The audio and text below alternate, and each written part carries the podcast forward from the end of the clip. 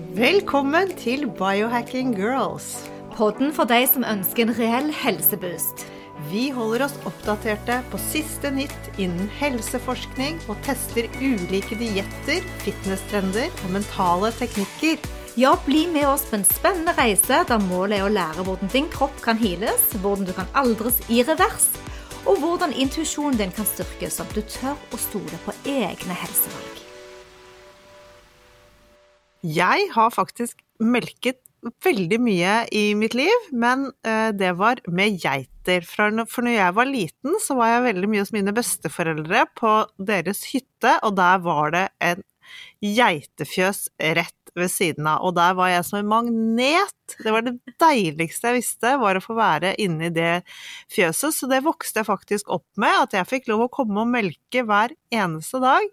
De hadde to spener i forhold til kuer, eh, så det var kjempegøy. Og jeg vokste opp da på å drikke geitemelk. Jeg var, ble veldig glad i gjetost, for jeg fikk være med å yste og gjøre masse sånne forskjellige ting da jeg var liten. Så, eh, så det, det, det, har jeg sånn skikkelig gode minner om. Men du, Den geitosten den har jo du tatt med til meg, den har jeg smakt, den er kjempegod. Men hvordan smaker den melken som du drikker da, når du nettopp har melket? Ja, hva skal jeg si? Eh, det smaker melk. Sånn tykk og god og Ja, jeg syns det er kjempegodt. Det smaker ikke Det er vanskelig å forklare egentlig hvordan det smaker. Men litt sånn varmt og klamt. Jeg husker selv, fordi at jeg har jo da vokste opp sånn halvveis på gård. Min onkel hadde gård, men han drev fortrinnsvis med islandshester. Vi hadde ti hester. Og så hadde vi geiter, og vi hadde eh, noen få kuer og mye høner, da. Så jeg har um, masse god erfaring på at vi gikk ut og hentet egg på gården, og vi spiste kanskje litt for mye egg, pannekaker, omeletter og alt som hadde med egg å gjøre, kokt og stekt og ja, det var mye egg. Men det var veldig koselig de morgenene å gå ut i fjøset og hente, og jeg tenkte aldri på om disse hønene hadde det bra eller ei, fordi det, det, virket bare som de hadde det bra. De sto jo inne i bur, de var ikke frittgående. Og vi hadde ikke så mye fokus egentlig da jeg var barn på om uh, dyrene hadde det bra, eller om det var bærekraftig. Altså, det bare var, og det føltes riktig. Ikke sant? Eh, fordi min mor også, hun hadde høner. De gikk rundt på, på, rundt på gresset og, og levde hønelivet. og ja det, er, ja, det er jo bare de siste årene at vi har begynt å snakke om dette med økologisk. Sånn var det jo før. Altså, det var jo ikke noe snakk om alt. Alt var jo økologisk. Og vi hadde til og med kjøkkenhave. Den var jo ja, helt super. Det var bare å gå og spise i den. Så, så, dette er egentlig veldig spennende, det at vi nå har liksom fått et nytt begrep. Dette økologiske i forhold til hvordan det var i gamle dager. Ja, din mor drev vel garantert ikke med sprøyting i den kjøkkenhagen sin, tenker jeg. og dette er jo et tema som opptar oss hver eneste dag. Eh, oss som biohackere, og dere selvsagt som lytter til podkasten vår, for dere er opptatt av mange av de samme verdiene. Og det handler om ren mat, det handler om jordsmonnet. Er det mineraler i jorden vår?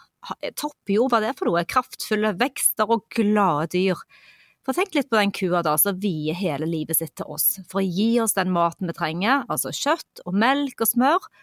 Det er jo klart at vi ønsker å støtte bønder som verdsetter både dyrevern og omsorg i en hvilken som helst eh, gårdsdrift. Og i dag er vi så heldige at vi er, vi er faktisk gjester på bondegården til Marte Bogstad. Hun har drevet Randby gård siden 2015. Da var hun kun 25 år, eh, og i dag eh, er hun eh, litt eldre og har fått to barn og har venter et barn.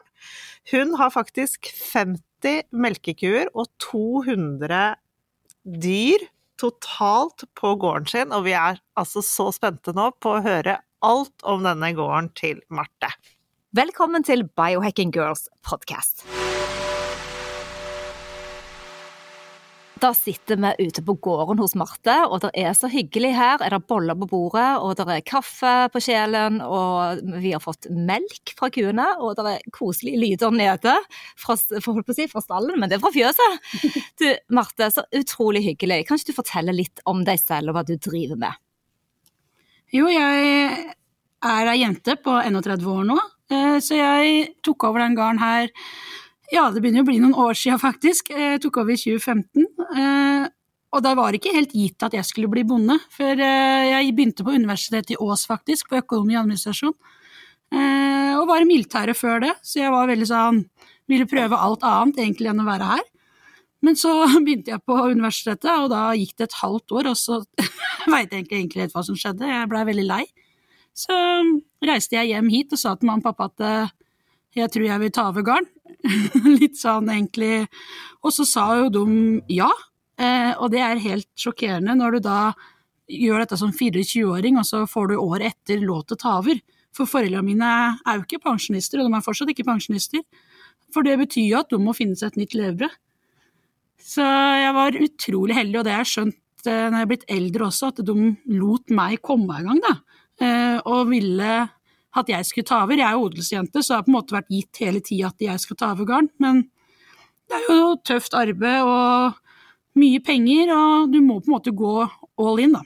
Men hva var det som gjorde at du som en ung pike vir Altså, hva gikk i hodet ditt når du bestemte deg for at dette vil jeg gjøre? Nei, jeg er nok ganske sta, da. Eh, så, så har jeg alltid likt å bruke kroppen min og ha en fysisk jobb. Og det var nok det som også jeg skjønte på skolen, at jeg var lei av å sitte rolig på skolen. Eh, og så har jeg jo vokst opp med mjølkeku, men vi slutta med kuer da jeg var 14 år. Så det var liksom litt tomt plutselig på gården. Og så snakka vi om det at eh, kanskje vi skulle ha kuene tilbake igjen, da. Fra samdrifta fra onkelen min. Eh, og så gjorde vi det. Og da liksom når vi først begynner med noe, så må vi gjøre det ordentlig. Eh, og jeg vil være matprodusent, og jeg liker veldig godt å jobbe med dyr. Og så er det veldig kort vei fra resultater, for det er bare det meg sjøl ting går på, og jeg tror kanskje det er det også jeg liker det så godt, da. Du tar imot kalven, og du følger denne kalven helt til den blir en ku og produserer mjølk og får, sin, eh, får en ny kalv. Så du følger på en måte hele livssyklusen, og det samme ute på jordet. Det er, det er det jeg gjør, og den innsatsen som jeg får igjen for, da. Og du spiller på lag med naturen hele veien, og hvis du ikke gjør det, så, så får du heller ingen resultater, og du får Gresset vokser ikke, meitemarken er ikke i jorda, for eksempel, da. For han trives ikke der hvis du ikke gjør det riktig. Så jeg tror liksom litt det er den derre Man blir liksom litt sånn gammeldags, da, men det å være ute når det er fint vær, og du bestemmer over din egen hverdag, og du lager mat, det er meningsfylt uh, arbeid, da. Det, det, er helt fascinerende, og jeg er helt enig med deg, men det er jo veldig mye jobb. Dette er jo en kjempestor gård med masse, masse dyr. Hvordan ser dagen din ut fra morgen til kveld? Fra, si fra natt, for du er veldig tidlig oppe, tenker jeg. ja, det er nok en myte at uh, de fleste bønder er nok tidlig oppe, men jeg er veldig B-menneske. og det var derfor jeg ville ha robot uh, når jeg bygde fjøs. For jeg er ikke glad i å mjølke, for det første. Uh, og for det andre så, så ville jeg ha et liv ved siden av. I hvert fall veldig opptatt av det når du er 24 år, at du skal klare å kombinere. Jeg spiller fotball, og jeg var veldig opptatt av at jeg skal spille fotball, jeg skal fortsatt få lov til å reise på fest i helgene. Så jeg var veldig opptatt av å kombinere dette da jeg var yngre. Eh, så en vanlig arbeidsdag har jeg også lagt opp veldig til at eh, det er derfor jeg bygde nytt fjøs, for å klare å kombinere et vanlig liv sammen med mye jobbing, da. Men så er det også sånn når du er vokst opp på den gården her, og du er vokst opp med at det er lange dager, og det er lite ferie. Det lengste jeg har vært på ferie med mamma og pappa, er jo en langhai. Ikke sant? Jeg har jo aldri vært lenger borte, og det er noe med det at du er vant med det. Så det går egentlig ganske fint, for jeg tror det er litt den derre vi, vi føler nok at vi har så frihet i hverdagen. Jeg må ikke være på jobb klokka åtte. Jeg bestemmer sjøl når jeg skal gå i det fjøset her. Det er jeg sjøl som bestemmer eh, hvem dager jeg skal eh, Jeg må hit hver dag, misforstå meg rett, men jeg føler jo sjøl at jeg er min egen herre som styrer over egen hverdag. Så hvis det er sånn som i dag, at det er kjempefint vær og jeg har lyst til å gå en tur på ski, ja, men da legger jeg opp dagen min til å jobbe så jeg kan gå på ski, da.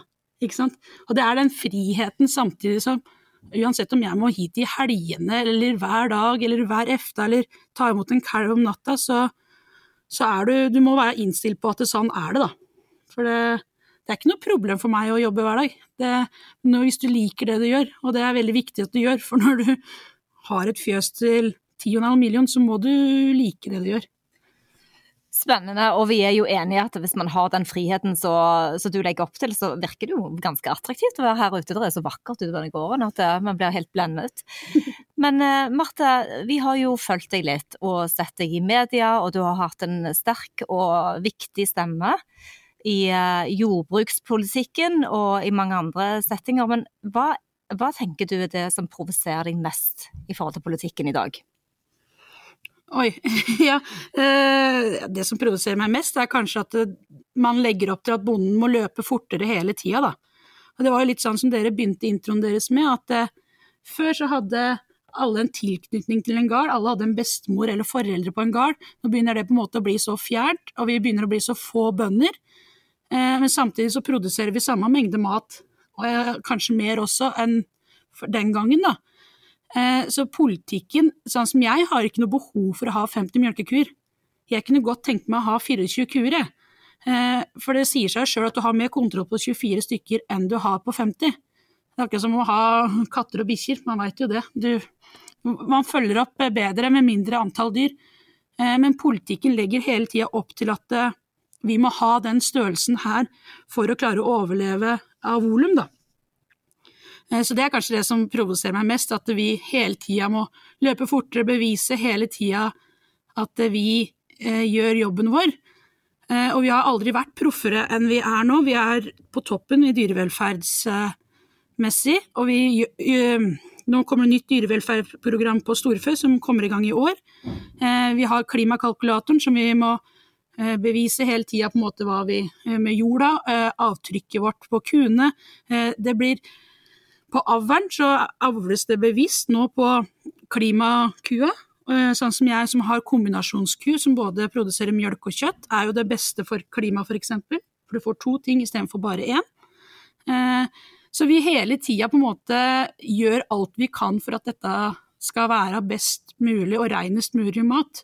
For sånn som verden ser ut nå, når du leser om en f.eks. en Du ser containere med dyr da, over, over, havet. Det er jo helt forferdelig. Eh, så liksom At vi ikke vi kan på en måte se at eh, det landbruket vi har i Norge er veldig bra, for vi har naturlig vintre, naturlig forhold for å drive med god beiting. Det er veldig bra, bra forhold å drive med eh, norsk landbruk, og veldig rent bra. Vi bruker lite sprøytemiddel. Eh, gjødsler veldig lite. Du bruker kumøkka om igjen ut på jordet, og du høster gras og gir til kuene. Og dette er en syklus som er veldig naturlig, for i Norge så alle som er på ferie i Norge vet at det ikke er flatt. har, eh, det er mest egnet til husdyr i hele landet, utenom kanskje akkurat rundt Oslofjorden og rundt området vi er nå, som er et kønneområde. Men ellers er det er derfor jeg blir litt sånn provosert at alle Ja, men hvorfor produserer ikke du grønnsaker da, Martha, så slutter med ku?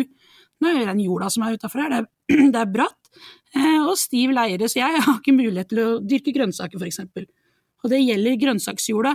Vi har 3 jord eh, i Norge som man kan dyrke mat på, og av det igjen så er det vel underkant av 1% som kan være grønnsaksjord. Eh, og da når vi snakker om sjølforsyning av mat, da, så skjønner vi at dette er så lite, og vi er så få bønder. Så det å verne litt om den norske landbruket og være fornøyd med den reneste maten i verden, da. Ikke sant? Ja, Den tradisjonen som vi har, men hvor villedet blir vi da? Eller hvor kommer Jeg vet at det er mange bølger der ute, og ikke, det er veldig viktig at vi ikke disser noen mennesker. Noen som ønsker å være vegetarianere eller veganere eller karnivoriske, mm. altså omnivåre. Vi, vi, respekterer alle mennesker, men bare passer på at ikke våre idealer ødelegger for enkeltforbrukerne mm. da. Og, og, for deg som bonde. Så, så hvordan eh, kan man bedre forstå hva som er rett og galt? Oi, det tror jeg er veldig vanskelig, men jeg tror, i hvert fall sånn som jeg lærte på ungdomsskolen, så er å være kildekritisk tror jeg er på en måte punkt én. For det florerer nå, alt er så tilgjengelig på internett. Eh, hvis du søker f.eks. på griseproduksjon eller mjølkeproduksjon, så kan du like godt få opp et treff fra Kina eller Irland. Eh, og det å være skeptiske til Jeg sjøl har vært i Irland på mjølkebruk, og jeg har vært og jobba i Tyskland i tre uker på mjølkebruk, og jeg fikk helt sjokk ikke sant. Jeg er vokst opp med dette her, og det er så stor forskjell. Og det å liksom slutte å sammenligne eh, landene, da. Eh, for at eh, vi har et helt annet syn på dyrehold her i Norge. Eh, både bønder og de som kjøper maten. Så jeg tror liksom det å lese seg litt opp, og at du er opptatt av at det står hvor kjøtt, du, når du kjøper kjøtt eller grønnsaker, hvor du kommer fra. For hvis du kjøper deg et eple da, som det står at det kommer fra Spania, og du lar det ligge f.eks. tre uker på benken siden er et norsk et, og så det råtner aldri, da kan du på en måte begynne kanskje også Man behøver ikke å være rakettforsker for å skjønne at det, det er enkelte ting de putter i matvarene i utlandet som vi overhodet ikke har lov til her i Norge engang. Eh, så økologisk her i Norge er jo kjempebra, men tradisjonelt landbruk, som det er mest av, er også like bra. Og det er nesten like bra som det økologiske du kjøper i utlandet. Fordi regelverket er såpass ulikt at vi har så strenge regler å forholde oss til, som putter jo nesten mer i økologisk i utlandet enn vi gjør i tradisjonelt i Norge, ikke sant. Så hele tida det derre Jeg tror faktisk det beste du kan gjøre for norsk landbruk, er også å kjøpe norsk og spørre om norske varer i butikken. For det er tre karer som eier butikkjedene i Norge, og de styrer alt hva vi putter i oss, vi nordmenn. Og de har en utrolig kraft eh, og setter opp priser og matvarepriser og styrer på en måte hva som skal bli solgt, uavhengig av hva vi produserer. Så jeg tror bare det å være litt, ja, være litt opplyst da, og lese på pakka hva du kjøper, tror jeg kan være det, liksom det beste tipset for å støtte norsk landbruk. Ja, for dette var noe vi, vi, veldig gjerne ville snakke med deg om. Hva vi som forbrukere skal gjøre når vi vil gjøre de beste valgene, og når vi går i butikken og hva vi skal se etter. Så gjerne utdyp dette litt mer. Hvordan finner vi det beste? Det står som regel 'Nyt Norge' på, eh, på det du kjøper, eh, og da er det garantert norsk. Eh, og så er det f.eks. Gilde og Nortura, at du leser bare bakpå, for det kan veldig mange ganger stå at det eh, står at det er norsk storfekjøtt, og så er det importert eller skåret i Tyskland. Så de kjører jo også f.eks. nå var det vel en sak på McDonald's her. Kjører norsk ost til utlandet, og så kommer det tilbake som Jarlsberg. Så det er liksom det at det blir hele tida Vi produserer ting i Norge som blir kjørt ut av landet for å så komme tilbake igjen, og da kan man jo snakke om bærekraftig da òg, ikke sant. Eh, og så er det selvfølgelig bra å spise alle grønnsaker og alt sånn, men hvor mye vi snakker om klima, så er det for meg mye friskere denne mjølka eh, og kortreist den mjølka jeg produserer her på Kløfta, enn en avokado som har reist over hele, eh, hele havet eller halve jordkloden, ikke sant. Eh, så det er sånne småting.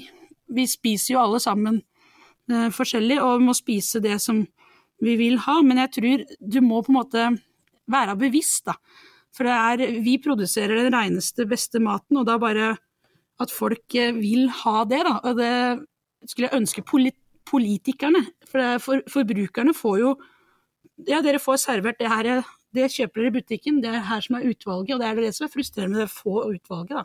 Ja, så det, det som er viktig her, det er faktisk eh, at det er kortreist og norsk. Så jeg er helt enig med deg med det avokadoeksempelet. Det er jo helt horribelt, egentlig. Det går jo ikke an å dyrke avokado i Norge på den måten. Så ja, veldig bra tips. Du, når vi leser på pakningene, da, f.eks. Gilde som har økologisk eh, eller Vi er jo veldig opptatt av gressfôr, det er jo to mm. forskjellige ting. Men hva er da eh, hva, hva, innebærer når det står økologisk på kjøttet? Er det fôret vi snakker om da? Ja, det er vel i hovedsak fôr, men gjødsling er vel kanskje på en måte Nå som det har vært veldig vinden, eh, kunstgjødsel eh, er vel kanskje den altså Vi bønder sjøl eh, er vel kanskje den største økologisk, ikke økologisk. Gjødsler du, gjødsler du ikke med kunstgjødsel. Det er vel det vi på en måte definerer som de to forskjellige gruppene. Da. Så hvis dere kjøper økologisk kjøtt i i butikken, så er antageligvis gresset bare gjødsla med kumøkk, eller med den vanlige møkka, eh, og ikke kunstgjødsel, da, som er den kunstige framstillinga. Eh, og så er det nok også eh, litt forskjell på kraftfôret kan være.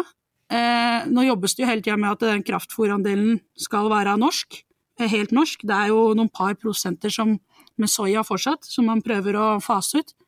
Eh, for sånn som jeg vil jo helst gi dyra mine helt norsk kraftfôr, f.eks. Men jeg kan jo ikke bestemme hva eh, Jeg bare kjøper et produkt, så det er på en måte leverandøren som må levere varene. Og det veit jeg det blir jobba veldig med.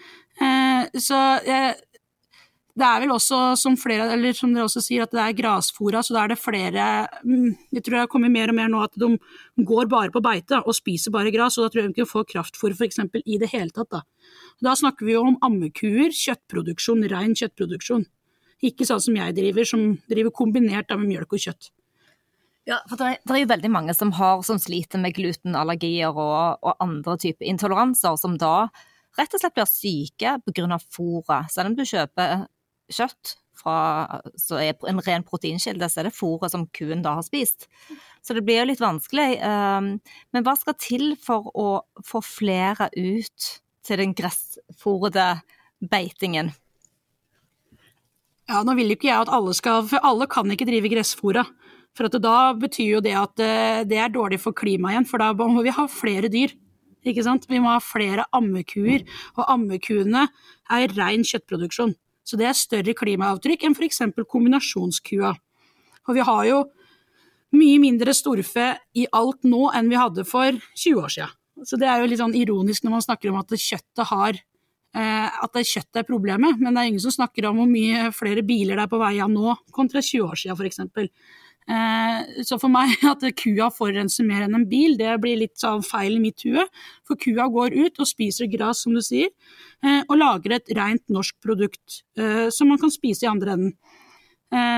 Men jeg tror, som vi snakka om i stad, at du må lese på pakningen. Og så er det viktigste er jo at du ikke da kjøper en biff fra Uruguay eller Brasil, for da skjønner jeg godt at du blir dårlig, for jeg vet ikke hva de har putta i de dyra nedi der, ikke sant. Men man skal ikke bli dårlig hvis du kjøper for kraftfòrandelen f.eks. i mitt fjøs, da. Den er veldig liten. Og det er som jeg forklarte i stad, kua er en drøvtygger, og det er ingen bønder som har som mål om å putte i dyra sine mest mulig kraftfôr. For kraftfôr er dyrt, ikke sant. Ja. Eh, og vi er jo veldig sånn, akkurat som at det, det er ingen bønder som sprøyter åkeren sin mer enn nødvendig, eller gjødsler mer enn nødvendig. For det er ingen som vil det, for dette her koster såpass mye penger. Sånn som nå, så kunstgjødsel har gått opp så mye. Jeg kjøpte kunstgjødsel for 80 000 i fjor. I år kosta det meg 180 000. Hvem andre er som har sånne kostnadsvekster, ikke sant? Samme med kraftfôret. Jeg en silo med kraftfôr, silo, altså tårn fullt av med kraftfôr som jeg gir kyene, koster meg over 75 000 for å fylle en en gang i måneden, og jeg har to av dem. og så får du beskjed i andre enden, mjølkeprisen går ned åtte øre fra nyttår. Strømprisen har gått opp, dieselprisen har gått opp, alle innsatsfaktorer generelt går opp, da. Og så sitter, sitter jeg igjen på bånn her, da. ikke sant? Jeg har ikke mulighet til å ta ut noe bedre pris. Så det at bøndene har vi, vi, vil jo på en måte, vi prøver jo å holde kostnadene nede, for ellers så overlever du ikke som bonde. Og det er egentlig så enkelt. Men det, dette høres jo veldig, veldig tøft ut. Eh, at melkeprisene går ned og alt annet opp. Ja, jeg skjønner hva du sier. Men vi må litt tilbake til eh, dette med melkeproduksjonen din, for du har jo denne roboten. Den, er, den høres jo bare så morsomt ut. Du må forklare hvordan den fungerer. Ja, det er jo den er jo liksom primus motor da, i fjøset her. Eh, og som jeg sa i stad, det, det, er sikkert litt sånn fælt å si som bonde, men jeg har aldri likt å mjølke, og likte ikke det når jeg var yngre heller. Jeg har alltid vært god til å jobbe fysisk og heller det andre. Så den roboten skulle, skulle, jeg ha, det var liksom øverst på ønskelista. Eh, og den fungerer altså så bra. Den bare går døgnet rundt. Eh, kuene går inn, de har en skip i øret, så da blir det registrert hvem som kommer inn, om det f.eks. er Klara eller Doris eller hva jeg kaller det om dere her.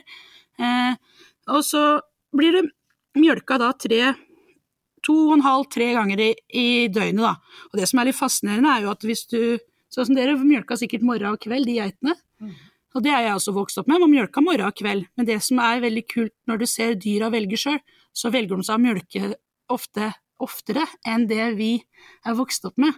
Så når dyra får velge sjøl, så vil hun faktisk mjølke seg tre ganger i døgnet. Da. Og det tror jeg er litt sånn som vi snakka om, at det, det, er vondt å ha mjølkespreng. Det er vondt å, vondt å stå med for mye mjølk i, i juret, og da når de kan gå inn der, for de mjølker seg når de vil, de spiser når de vil, de sover når de vil, de styrer helt sitt eget liv. Og da er det jo veldig moro å se at det som vi har vokst opp med og lært, at sånn er det, og så viser det seg at kuene vil annerledes, da. Så det er veldig kult når du har bygd et nytt fjøs på dyras premisser, da. At du ser at de stortrives. Og jeg sjekka mjølkemengden her nede i stad, og da ligger de på 34 liter i snitt. Og da trives de når mjølka kommer, og det er rolig i fjøset, eh, og det er ingen sykdom. Jeg har bank i bordet. ikke, ikke levert dårlig mjølk på fem år. Så veldig fornøyd. Men melker de mer når de er sånn selvregulerende, eller er det, er det mindre, eller vet du ikke? Det er mer. De mjølker mer når det er oftere, og um, det tror jeg også er noe med at kuene er sprekere, da. For de går jo de går rundt sjøl, de står ikke bindt.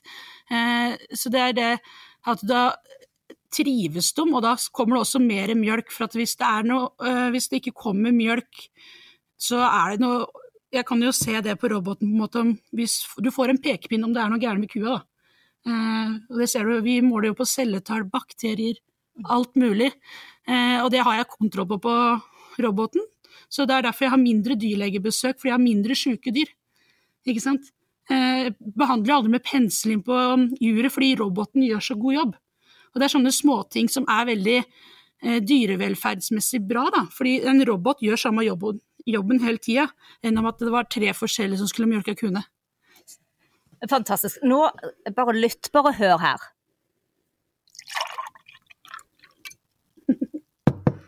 Så her sitter vi med et, en stor mygge og glass med helt fersk melk. Kan du Marte, bare forklare? Nå skal jeg smake først. Altså, Jeg liker jo ikke melk, men denne smakte ikke så veldig mye.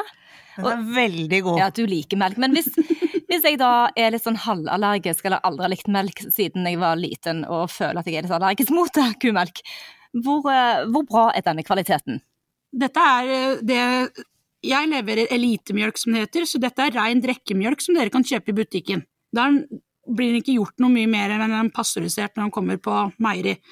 Men hvis du, som du sa, er laktoseintolerant, så kan du drikke denne her, fordi den ikke er gjort noen ting med. Eh, så jeg tror jo, og jeg har jo også alltid hatt en drøm om å selge egentlig mjølk rett fra, fra døra her, da. At du, litt sånn brusautomat, at du kommer hit og så kjøper deg glassflaske med mjølk som ikke har gjort noen ting med. Eh, men da er vi tilbake til penger igjen, selvfølgelig. Eh, men det håper jeg kan skje, ikke sant. Men er det uh, ulovlig i Norge å, å selge upasteurisert melk, eller er det lovlig nå? Nei, tilfeldig salg står det. Uh, så hvis noen kommer tilfeldigvis innom meg og har lyst til å kjøpe mjølk, så kan de få lov til det hvis jeg gidder å si ja til det. Men uh, det må på en måte være behandla for å selges i Norge. Men det kommer mer og mer sånne småysterier på gårdene nå, og det er Eh, I Trøndelag er det ei som selger veldig mye mjølk, veit vet jeg, fra sånn automat. Eh, så hvis du har alt på stell og søkt og har bygd for det, så får du lov til å selge det, da. Og jeg tror jeg også regelverket er i ferd med å endre seg.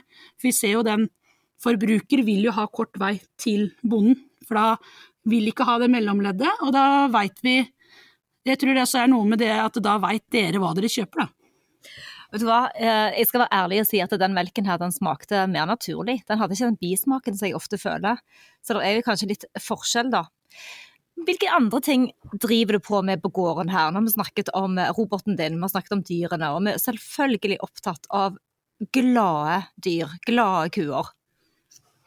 Ja, og det, som bonde så, så, er det veldig dumt å ikke ha fornøyde dyr, da. Eh, fordi det er jo dette jeg lever av. Eh, så for meg så er det helt eh, Du må på en måte ha friske og bra dyr, og da er det den innsatsen jeg legger ned.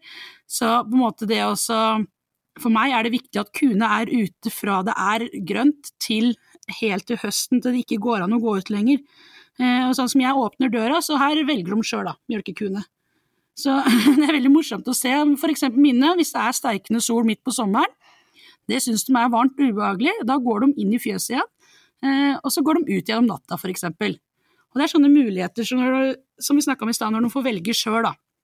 Eh, for det er ingen som syns det er deilig å stå midt ute på jordet eh, i 30 grader, og det gjør jo ikke vi heller sånn egentlig, hvis du ikke skal forme med å sole deg akkurat der og da. Men så hverdagen min går jo veldig mye til at du gjerder har bra eh, fôr til dyra f.eks. Eh, du skal jo høste gresset tre til fire ganger, eh, så de får bra mat. Eh, og da snakker vi om slåttetidspunkt, eh, flott, eh, fint gras, og da er det viktig også hva som skjer under gresset, i jorda f.eks. Mye meitemark, som jeg snakka om i stad. Og jeg sprøyter ikke gresset f.eks. Gjødsler ikke heller mer enn jeg må, men jeg gjødsler såpass at, at gresset vokser litt mer enn at jeg ikke hadde gjødsla. Og jeg bruker jo kumøkka på gresset igjen for at det skal vokse, og at du får denne her syklusen, da. Så også på gården her også så har vi barnebursdag, så jeg arrangerer mye barnebursdager på stabburet. Uh, Slutta med det nå når pandemien slo inn, da. Men, så jeg har veldig mye unger på gården som hopper i høyet, er, eh, er, her i fjøset, får se hvor mjølka kommer fra, og det også syns i hvert fall jeg er veldig inspirerende. Så vise unger. Du, det var noe av det morsomste jeg visste på min eh, onkels gård. Han kom ofte òg til og med med traktoren opp til nabolaget der vi bodde, med høy på vei, da, med høy på, på den eh, hva heter det for noe, hengeren bak. Og så fikk vi hoppe i høyet på hengeren, mm. men å hoppe i høyet. Men du, det skjer jo litt andre ting, og as we speak så skal dere jo ha en liten kalv, eller kanskje en stor, for den kua var veldig stor. Fortell meg hva som skjer når man får en kalv. Ja, det er jo ei kvie som skal ha sin første kalv, hun dere så der nede i stad.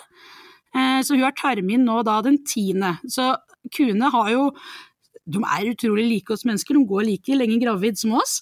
Eh, og det er på en måte liksom dette med morkake, og du ser, og det begynner å renne mjølk, så det er eh, Jordmora mi sier jo at alltid jeg sammenligner meg sjøl med ku, så hun syns jeg er litt rar, men det er ikke så veldig stor forskjell. Så nå er hun der nede, og du ser hun hun lå og reiste seg litt og var litt sånn utålmodig, så jeg tror at hun kommer til å kalve i natt. Eh, så da har jeg en egen kalvingsbinge som jeg tar hun i. Eh, og så det er viktig at hun får ro og, om plass og liksom finne seg til rette.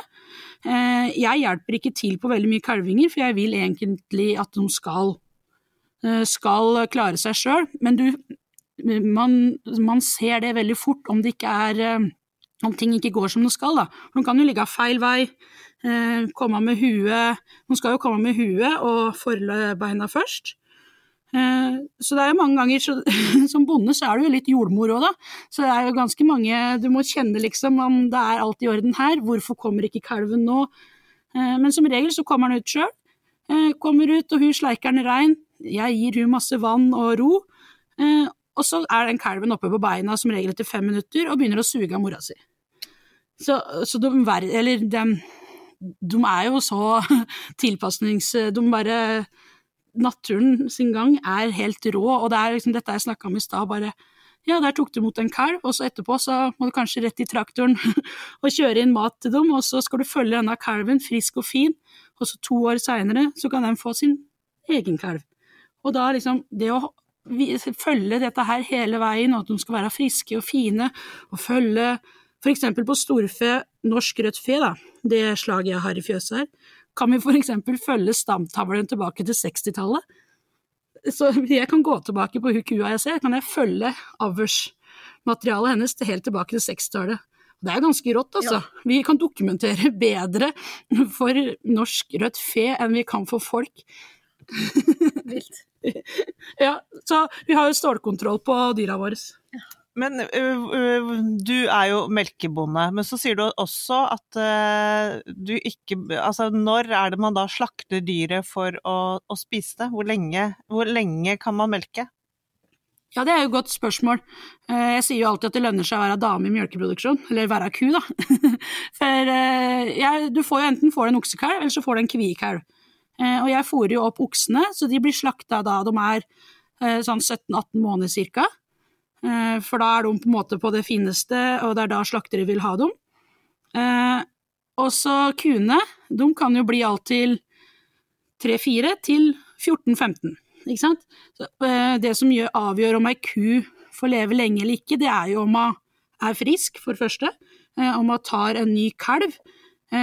For målet er jo at ei ku får en kalv i året cirka, da. Hun har eh, Kua sitt liv er sånn, du blir født, så blir du inseminert da når du cirka er ett og et halvt år, eh, to år, og så får du din egen kalv. Og det er akkurat som oss mennesker, du kan ikke amme ungen din i evig tid, for du må ha en unge for å produsere mjølk. Og sånn er det med en ku òg. Du må ha en ny kalv for å produsere mjølk. Eh, Så sånn som jeg har jo amma sammenhengen siden jeg fikk første ungen min. Men du må på en måte få en ny unge for å fortsette melkeproduksjon, og sånn er det med kuer også. Eh, at, eh, så hvis hun ikke tar kalv, eksempel, så vil jo melkeproduksjonen dale. Dette er jo som en melkekurve som går rett opp og rett ned igjen, liksom. Eh, så hvis de ikke tar seg, er det ofte et argument.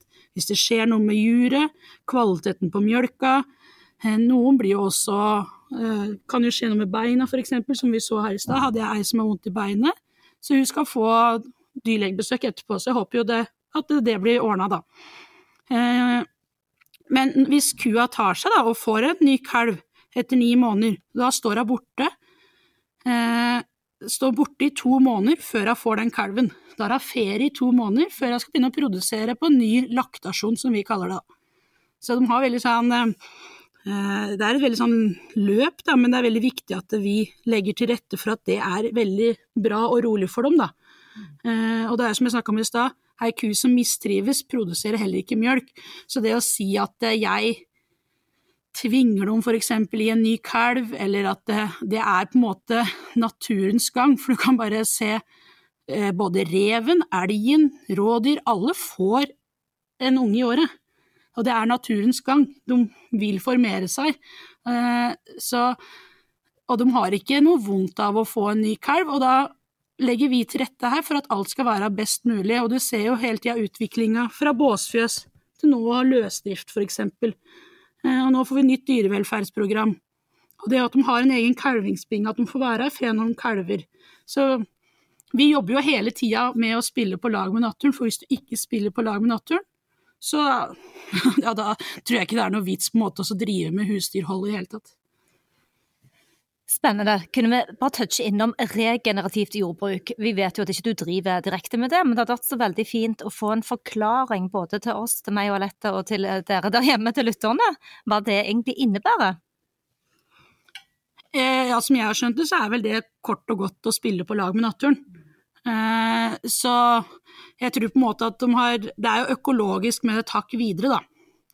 Eh, også som jeg har sagt før også, så jeg driver tradisjonelt landbruk, men med, eh, med, en tilnærming at det skal være mest mulig økologisk det jeg gjør, da. Så for meg er det veldig viktig at eh, man driver på de naturressursene man har, med at jeg har kumelk som skal tilbake til jorda, at jorda er frisk og fin. Eh, for det går på en måte bare utover meg sjøl igjen hvis du ikke spiller på lag med jorda, med jorda di, eller med dyra dine. Og det samme er økologisk eller regenerativt landbruk. Alt dette her henger jo sammen om å være på lag med naturen. Og bønder er jo på lag med naturen, for det er jo samme med en kønnbonde. Du, du får ikke kønnet til å vokse hvis ikke du har de grunnverdiene i bånn, ikke sant. Det er jo akkurat som å ha kjøkkenplante eller en kjøkkenhage. Hvis ikke du gjør det riktig der sammen med både eh, gjødsel og god jord og vanning og alt, så vokser det ikke noe. Så det er eh, Vi må på en måte hele tida se på de tegna vi får fra naturen, og så må vi gjøre det beste vi kan for at det vokser, og at det er bra, da. Så det er egentlig Det er ikke sånn hokus pokus.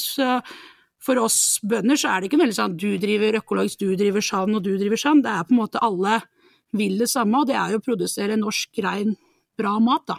Ja, det er kjempebra og veldig Som du sier, jeg liker det når du sier at det ikke er noe hokus pokus, for det er det jo ikke. Det er jo bare det at du i det hele tatt bare tar deg den tiden til å se ute og se hvordan, hva naturen sier til deg og hva dyrene dine forteller deg. Det er jo bare helt fantastisk. Men kan vi da være sikre på at alt norsk som blir produsert er bra, eller er det noe som ikke er så bra? Nei, det er, det er jo sikkert som alt annet, som jeg sier. at det Akkurat som i bikkjeoppdrett eller andre, andre, det er jo levende ting man driver med. Eh, og det er jo blitt eh, dokumentert før, det at det er flere som ikke burde ha drevet med husdyrhold. Eh, og det kan ikke jeg egentlig uttale meg noe om, men jeg tror kanskje også det kommer et veldig skifte, for jeg tror før var litt mer den odelsloven og plikten om at du skulle ta over gården. Så jeg tror det har vært veldig mange bønder som føler at de må ha vært bønder, kontra Sånn som meg, for eksempel. Da. At eh, jeg har ikke tatt over et gammelt fjøs og må drive her og slite her fordi jeg føler jeg må det. Jeg har tatt et bevisst valg og bygd for at, eh, for at jeg skal være husdyrbonde. Så jeg tror det kommer et skille der når du på en måte må eh, Jeg vet ikke hvordan jeg skal forklare det, men jeg tror før så var det mer plikt da, at eldstemann skulle komme hjem igjen og gjøre jobben, uavhengig om du likte det eller ikke. Nå kan man velge mer. Så så det er i alle produksjoner, selvfølgelig. Men i utgangspunktet, ja, med det regelverket vi skal ha, eh, og det blir strengere og blitt mye strengere, så håper jeg og tør å påstå at norsk mat fortsatt skal være det beste. Ja. Jeg må tilbake til dette at du er en ung, vakker dame som driver med dette her. Hvordan, hvordan er det å jobbe eh, Jeg ser jo på det som en ganske sånn mannsdominert eh, et mannsdominert yrke. Så Eh, hvordan, hvordan, blir du tatt imot av andre? ja, det er jo eh, Du har jo helt rett i det, at det i hvert fall er mannsdominert. Jeg tror vi bare er sånn 9% damer som eh, Det er veldig mange damer på Gala, misforstår misforstå meg rett, men det er veldig få som står som eiere og drivere og har fullt ansvar. Eh, det er nok der det på en måte grensa er. Og gjennomsnittsalderen for å ta over en gard i Norge, den er på 52 år. Så jeg har jo fortsatt et stykke igjen, da. Jeg kan drive i mange år. Eh, men eh, jeg tror kanskje vi damer må ha som i alle andre yrker, uavhengig om det er bonde eller ikke, så tror jeg vi må hele tida bevise at vi gjør jobben bra, da. Jeg tror at det Jeg har aldri følt på at jeg ikke har blitt respektert som bonde av de andre bøndene, men jeg tror det er også noe med det at jeg er så bonde, og du har gått på en måte litt all in, og jeg må bevise at jeg har gjort jobben og at jeg gjør det bra, da. Eh, jeg tror det er et problem at mange damer i landbruket sier nei, jeg kjører ikke traktor, jeg fôrer bare kalva, jeg, at du bare velger deg de oppgavene. Du kan ikke, sånn som jeg, da, som har en mann som jobber utafor gården, og det er jeg som er bonden, så kan ikke jeg velge bort oppgaver, du må gjøre alt sammen, og da tror jeg også du blir mer respektert. Selv om det man kan diskutere om det er riktig eller feil, men det er som i alle andre yrker, jeg tror damene må hele tida bevise at vi er så flinke. Og det derre flink pike-syndromet er hos oss alle. La oss bare touche helt på slutten innom dette med trender, da. Eh, du som da er, driver med animalsk produksjon, kan du, føle, kan du føle litt sånn trussel, eller bli litt såret av nye trender når folk ikke skal spise kjøtt og motarbeide industrien? Ja, det kan på en måte være enkelte dager jeg blir litt sånn frustrert og litt sånn lei meg for at eh, alle har en mening om min jobb, da. Jeg uttaler meg jo ikke om tannlegen eller advokaten eller hva de driver med, på en måte, for det har ikke jeg noe kunnskap om. Men at alle har kunnskap om min jobb og meninger om min jobb, det på en måte er kanskje det jeg syns er mest slitsomt. Og at folk velger å være vegetarianere eller veganere og sånne ting, det, det ser jeg på en måte ikke ut jeg, jeg tror ikke det er noe stort problem, for til syvende og sist så er det Eh, mat fra bonden de skal ha uansett, da. Eh, så Men jeg syns det er kanskje litt sånn frustrerende at det er det er, så, det er den ene sida av saken som kommer fram i nyhetene hele tida, da. Eh, uten at vi, uh, vi bøndene må på en måte hele tida forsvare en lovlig jobb. Uh, jeg har en helt lovlig jobb, og jeg gjør det, det, jeg gjør i hverdagen min, på en måte, og driver med dyr. Eh, at eh, det liksom skal være så fælt, da syns jeg er kanskje litt sånn slitsomt å forsvare. Eh, for vi blir ikke færre folk på den jorda her, og det som skjer i verden nå med kriser her og der, en maktelite i ubalanse f.eks., pengekrise, kostnadskrise, gjødselkrise, alt i Europa du leser om nå, det eneste alle folk trenger hver dag, det er mat og vann. Vi trenger ikke noe mer. Og da at det ikke skal på en måte være At jeg må forsvare at eh, jeg produserer mat til folk, det syns jeg er slitsomt. Det var kjempebra, og det forstår jeg veldig godt. Eh, jeg har faktisk ikke tenkt på det sånn, men det må faktisk bønder. Virkelig. Altså, ja. Men Marte, ser du positivt på fremtiden? Hva, hva, har du noe sånn perspektiv på det? Eh, ja, jeg gjør jo det. Eh, det har jeg sagt hele tida. Eh, men nå har jeg vært mjølkebonde i seks år, og, prisen, mjølkeprisen har gått ned hvert år. Og det er jo litt deprimerende. og man på en måte, Det var litt kostnadene jeg snakka om i stad. Men men jeg er sånn som jeg sa nettopp, at det, det eneste folk trenger, er mat og vann. Så på en måte den derre grunnfilosofien i meg er sånn at det må jo snu. For vi må ha mat. Og hvis vi skal ha mat, hvorfor skal vi ikke da eh, ha den maten i det landet her sjøl? For det er samme hvor rike vi er. Det hjelper ikke når alle landa rundt oss stenger grensene og vi ikke får kjøpt noen ting. Og vi kan spise torsk også, og laks, men jeg tror ikke den norske befolkning vil det over tid. Vi trenger matproduksjon i eget land. Eh, så det er nok eh, Så jeg, ja, jeg, jeg, mener helt bestemt at uh, vi skal ha matproduksjon i landet, og jeg trives veldig godt i jobben min og vil lage den maten. Og da syns jeg politikere kan legge enda bedre til rette for det. Helt enig. Men nå helt på slutten, så vi er jo biohackere, og vi lurer på, Marte, hva er ditt aller beste helseråd? er mitt aller beste helseråd. Da er nok jeg veldig sånn Jeg er jo vokst opp på tradisjonell uh, husmannskost. Uh, så jeg er jo veldig glad i poteter og egg og uh, og jeg liker å reise til bestemor. at Jeg har vokst opp med at det er risengrynsgrøt på lørdager, f.eks. Uh, saus med hjemmelaga kraft. Og jeg er nok veldig sånn Sånn som hos oss her, da. Jeg har jo alltid eget kjøtt av både elg, rådyr, gris og storfe i fryseren. Jeg har min egen mjølk, jeg har jo 20 høner, så jeg har mine egne egg. Eh, så jeg er nok veldig sånn eh, norsk, tradisjonell mat som jeg liker laga fra bånna. Så jeg vokste opp med at vi har kokte poteter til middagen. Ikke sant? Og seterømme, liksom. Når det så jeg er nok ikke Om det er noe helsetips, men jeg er veldig sånn Jeg bruker det vi har på gården her, da. og liker det veldig godt. Ja, Og så nevnte du jo at du har lagt merke til at vi drikker veldig mye kraft. Det syns du var spennende, ikke sant? Ja, for jeg, jeg, trodde nesten det var litt sånn død, at det dør ut, da. For eh, det er sånn bestemor og mamma at ja, vi har kraft i, kraft i maten, og vi har alltid hatt en egen sånn fryseboks på hjørnet liksom med kraft i. Så at det kommer tilbake, det syns jeg er kjempekult. Så, vi kan jo nesten si uh, a bone brought a day keeps the doctor away. Altså, kanskje det kan være ditt gode, sunne råd til oss uh, å drikke kraft, eller iallfall bruke de naturlige mm. produktene. Det har vært veldig, veldig interessant å få med seg hva som skjer på en gård. Vi er jo veldig opptatt av dette her med å bli kjent med bønder, eh, kjøpe direkte fra bønder. Dette er jo noe vi brenner veldig for, at, at, vi skal være mer opptatt av hvor maten vår kommer fra. Og nå ble jeg veldig gledelig overrasket her. Og så ikke minst å komme ut og oppleve stemning. Vi var så innstilt på å kjøre ut på gården, og vi kom jo på en nydelig solskinnsdag. Og få bli med ned og hilse på dyrene og, og, være her sammen med Marte.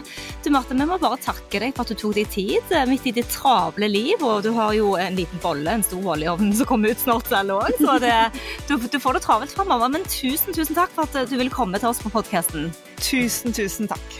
Det var veldig morsomt å være med. Tusen takk. Happy biohacking!